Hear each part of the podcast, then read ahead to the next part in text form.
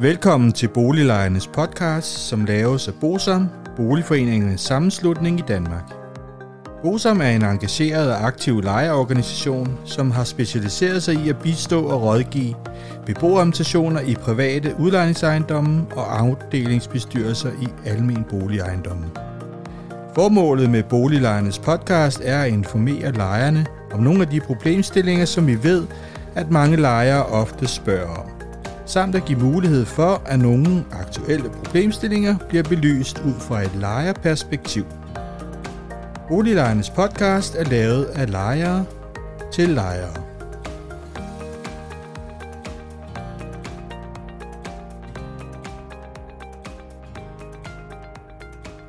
Velkommen til Boliglejernes podcast. Mit navn er René Sur, og jeg arbejder i Bosom.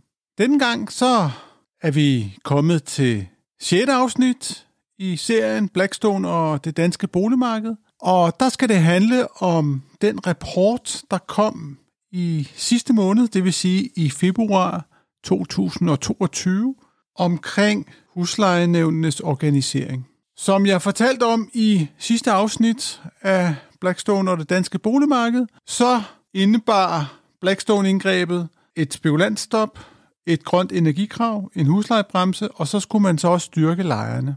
Og en del af det at styrke lejerne, det var, at man ville nedsætte det her udvalg, og formålet med udvalget, det var, var at analysere, hvordan indsatsen for at løse tvister mellem lejer og udlejer mest hensigtsmæssigt kunne organiseres. Og det er fordi, man sagde, at at bo til leje det er et kompliceret retsforhold med mange interessemodsætninger, og dermed også et stort konfliktpotentiale. Det er derfor vigtigt for parterne herunder navnlig for lejerne som den svære part i lejeforholdet at kunne få afgjort tvister hurtigt, nemt og billigt. Så det var, det var det, de skulle. Og, og det, vi kan se, at opgaverne var, det skriver de jo også så pænt i rapporten, det var, at det var et ønske for politikerne at profilisere arbejdet i huslejenævnene, sikre kortere og mere ensartet sagsbehandling på tværs af landet og styrke lejernes retssikkerhed.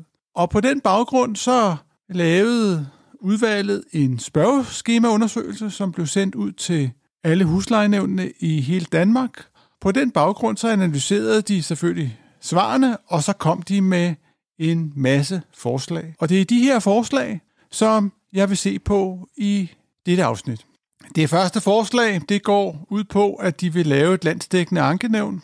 Og når jeg siger et landsdækkende ankenævn, så er det sådan, at det er faktisk kun i København, at man har et ankenævn. Ellers er det sådan, at når sagen har været behandlet i huslejenævnet, så vil en anke betyde, at man skal anke til boligretten. Hvis man har tabt i huslejenævnet i Københavns Kommune, så kan man anke, og så kan man anke til ankenævnet, hvorefter at den afgørelse så kan ankes til boligretten. Og det er jo med, selvfølgelig med til at gøre det hurtigere og, og nogle gange også billigere for lejerne, også for udlejerne for den tages skyld, og for afgjort en sag. Når jeg siger nogle gange, så er det fordi, at det er sådan, at gebyret for at få en sag afgjort ved huslejenævnet, den er 319 kroner her i 2022. Og hvis man så anker til ankenævnet, så er den 169 kroner.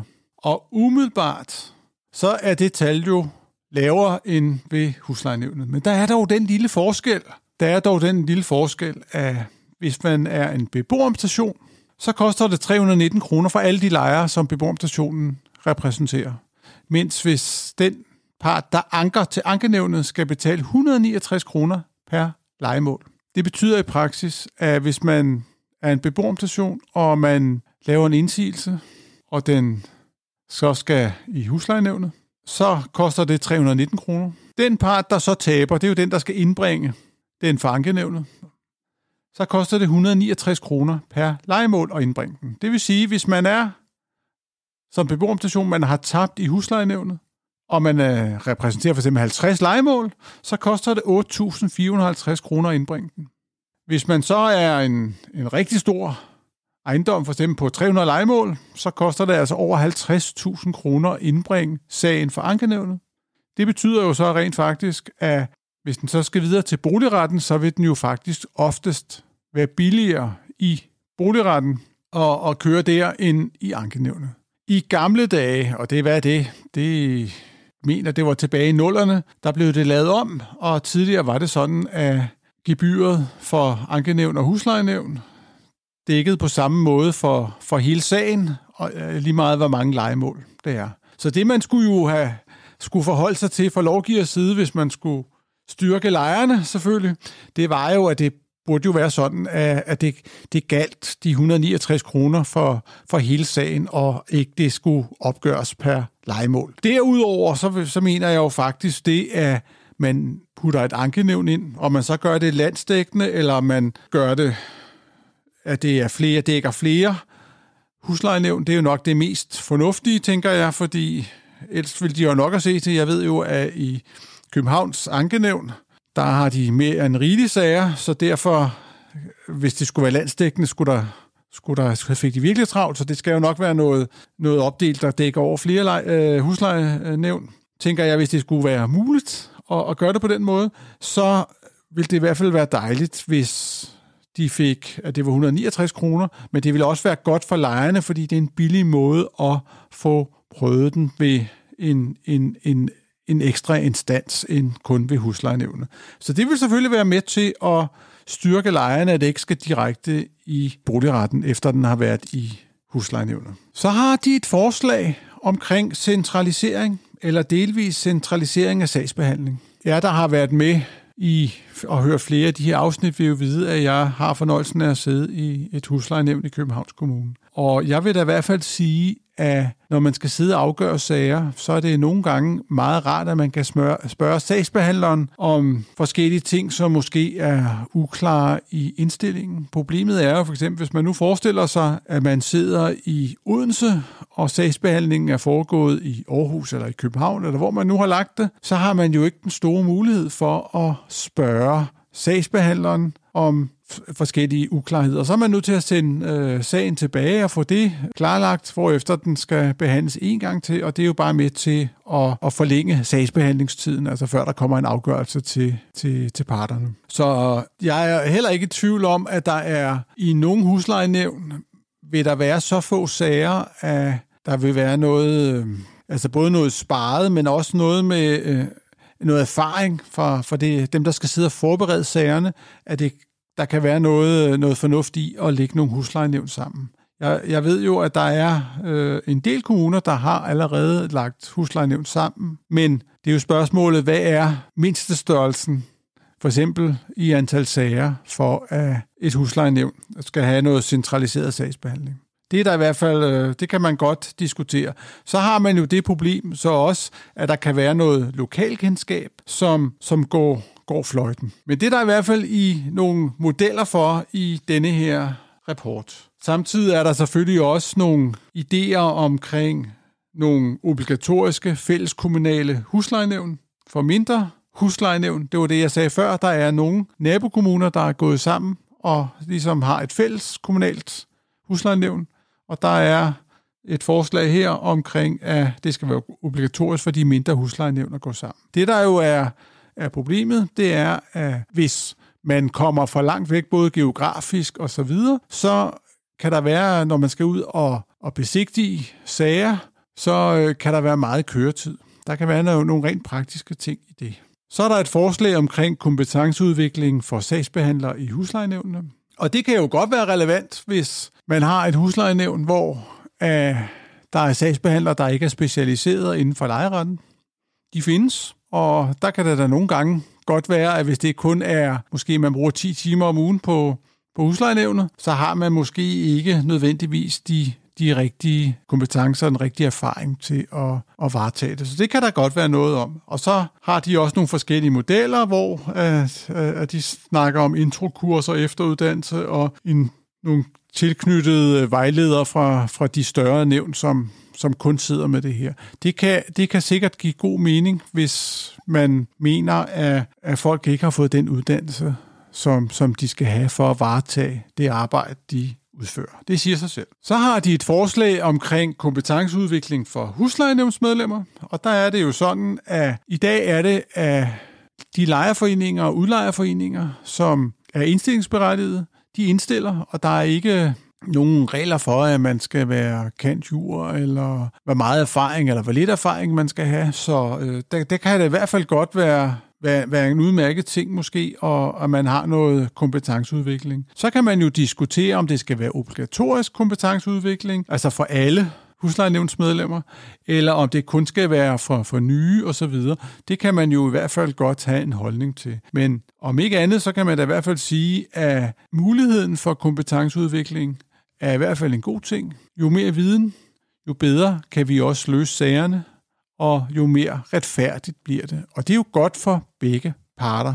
Og når jeg siger begge parter, så er det både for lejer og udlejer. Så er der et forslag omkring faste erfaringsmøder huslejenævnene imellem, og der må jeg sige, det synes jeg er da en rigtig god idé, fordi alt, hvad der ligesom kan, kan hjælpe på at styrke huslejenævnene, det er jo kun positivt. Så er der et forslag omkring mindst aflønning af huslejenævnsmedlemmerne. Der er det jo igen sådan, at hvis aflønningen enten bliver for høj eller for, for lille, så øh, kan det have betydning for de personer, der bliver udmeldt til disse værv. Jeg vil komme med et eksempel, som der jeg, jeg altid har ligesom har, har synes var lidt sjovt. I boligretten, der kan man jo sidde som boligdommer. Der er det sådan, at man får 1100 kroner for en hel dags arbejde. Det er det samme som et, øh, en nævning får. Og det er der sådan set ikke noget galt i.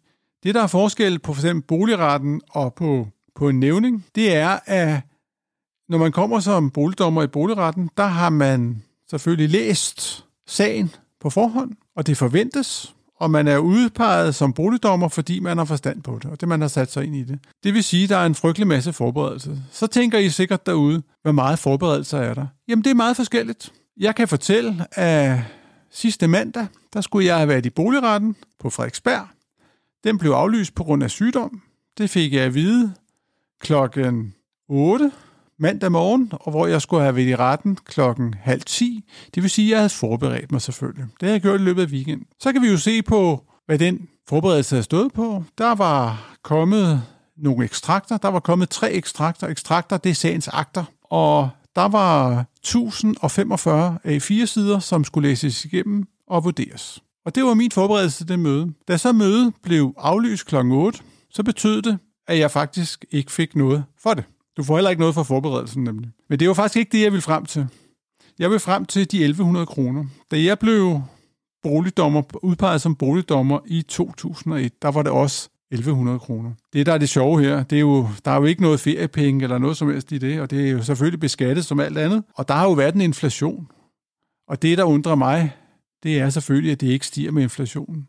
Det har så betydet, og det er det, jeg vil frem til, at det, der er en hel del, der siger nej tak til at være boligdommer.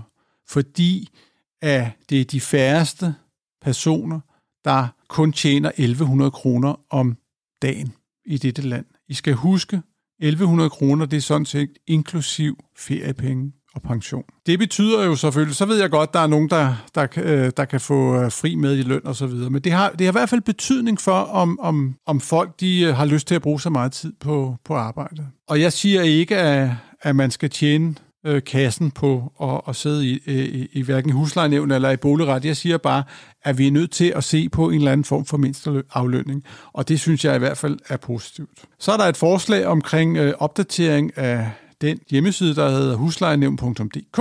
Det må jeg sige, hvis man går ind på den og prøver huslejenævn.dk, så vil man se, at der ligger meget få sager, og en masse af dem er gamle og sådan noget. Det er meningen, at huslejenævnene skal indberette til huslejenævn.dk, og det kan vi da i hvert fald se, at det er der ikke ret mange, der gør. Så en opdatering og en, noget motivering til at, at få indberettet sagerne, det vil selvfølgelig hjælpe. Så kunne vi jo læse alle øh, afgørelser. Så er der en, et forslag omkring en øget vidensdeling fra ministeriet. Og det er altså der, hvor de lidt specielle sager, hvor huslejenævnene spørger også ind til ministeriet, hvordan de skal vurdere det.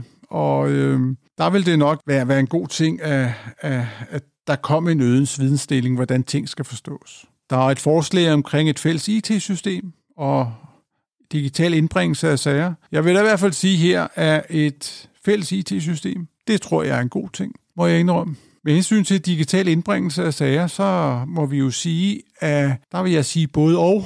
På sigt vil det nok være en god idé, men vi har altså stadig en gruppe borgere i dette land, som blandt andet er fritaget for digital post. Og der må jeg nok sige, at jeg kan blive bange for, om vi afskærer en gruppe borgere for at indbringe sager. Og, og, og når jeg er i tvivl om det, så, så vil jeg nok sige, øh, jeg vil være lidt varsom. Eller jeg vil nok sige det på den måde. Jeg vil nok sige, at jeg vil prøve at motivere folk til at lave en digital indbringelse af sager, for det er nemmest at håndtere for huslejenævnet. Og så vil jeg lave en eller anden form for, ja, man kan jo kalde det en kattelemsløsning, hvor man også for dem, der er fritaget for digital post, altså selvfølgelig kan de få lov at indbringe en sag. Ellers ville det jo være lidt urimeligt. Så er der et forslag omkring at tilknytte en teknisk sagkyndig til huslejenævnene.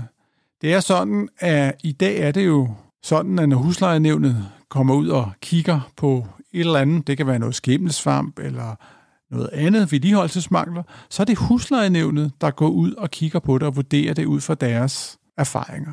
I huslejenævnet på Frederiksberg, der har de faktisk en teknisk sagkyndig, som går ud og vurderer det. Der er både fordele og ulemper ved en, en teknisk sagkyndig.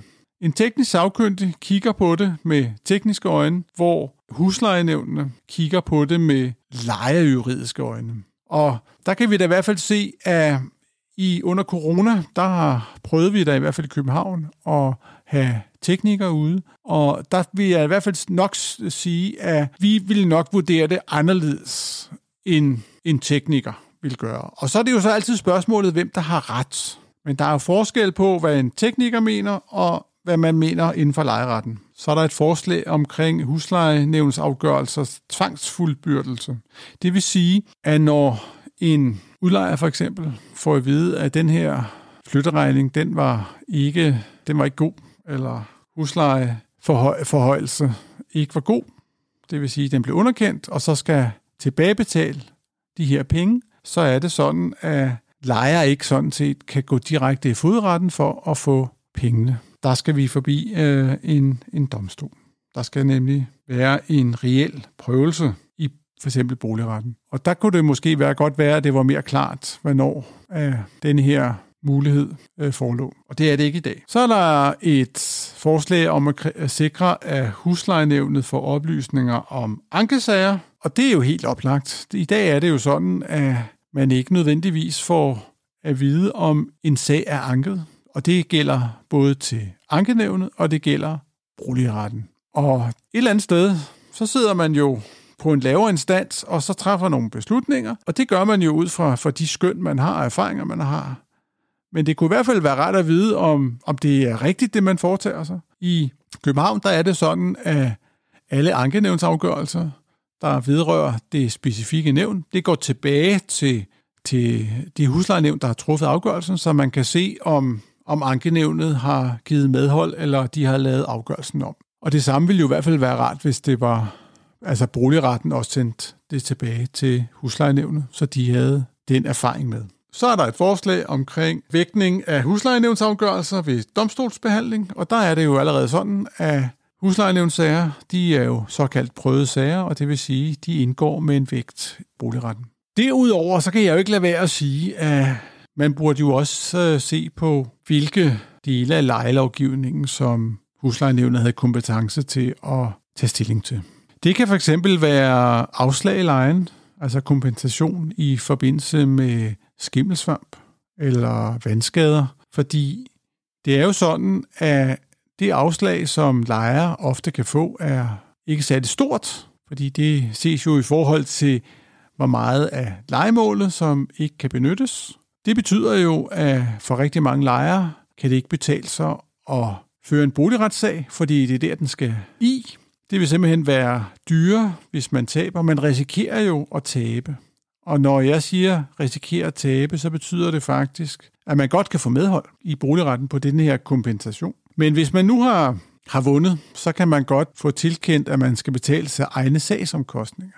Det ser vi nogle gange. Og det betyder, at selve sagsomkostningerne er højere end det, man har vundet i kompensation. Og så er det jo en ren underskudsforretning. Og det ved udlejerne udmærket, og det gør jo også, at de ikke er villige til at forhandle med lejerne om at give kompensationen på forhånd, i stedet for at man skal til at køre retssager om det. Og det vil jo sige, at hvis man kunne køre den i huslejenævnet, så vil der være flere af den her slags sager, og det vil jo give lejerne en øget forhandlingsmagt. Og det vil jo styrke lejerne på en rigtig, rigtig god måde. Det var faktisk det, jeg vil sige om det her lidt, man kan sige lidt nørdet øh, emne. Den rapport, som blev lavet omkring huslejenævnenes organisering. Nu er det jo så meningen, at politikerne skal tage den til sig, og så skal de jo læse den, og så skal de måske også finde ud af, om der er noget, der skal ændres. Om det sker, det ved vi ikke, men det vil da være glædeligt, hvis der kom nogle ændringer, som var til glæde for lejerne. I næste afsnit, der skal vi se på en anden del af Blackstone-indgrebet, og det er de afgørelser, der er kommet på baggrund af de besigtigelser, som huslejenævnet er blevet pålagt og skulle udføre i forbindelse med 5.2-moderniseringer. Og det kan I glæde jer til. Det kommer i næste afsnit af Blackstone og det danske boligmarked. Og indtil da, så kan I jo gøre det, at I abonnerer på denne podcast, så er I sikre på at få den næste, når den udkommer. Og I kan også give nogle stjerner i iTunes. Og indtil da, så må I have det godt. Vi ses. Hej hej. Hvis du synes om Boliglejernes podcast, vil vi blive rigtig glade, hvis du deler episoden med dine venner, og måske giver os en anmeldelse og nogle stjerner i iTunes, så vi derved kan komme ud til mange flere lyttere. Oplysningerne i denne podcast er udtryk for vores opfattelse af retsstillingen på nuværende tidspunkt. Men husk, at retsstillingen kan have ændret sig, når du hører denne podcast, da der kan være kommet ny lovgivning eller praksis på området. Den videre er vigtigt at være opmærksom på, at gennemgangen i denne podcast alene har været overordnet for at give et overblik og derfor ikke kan regnes for en udtømmende gennemgang af emnet.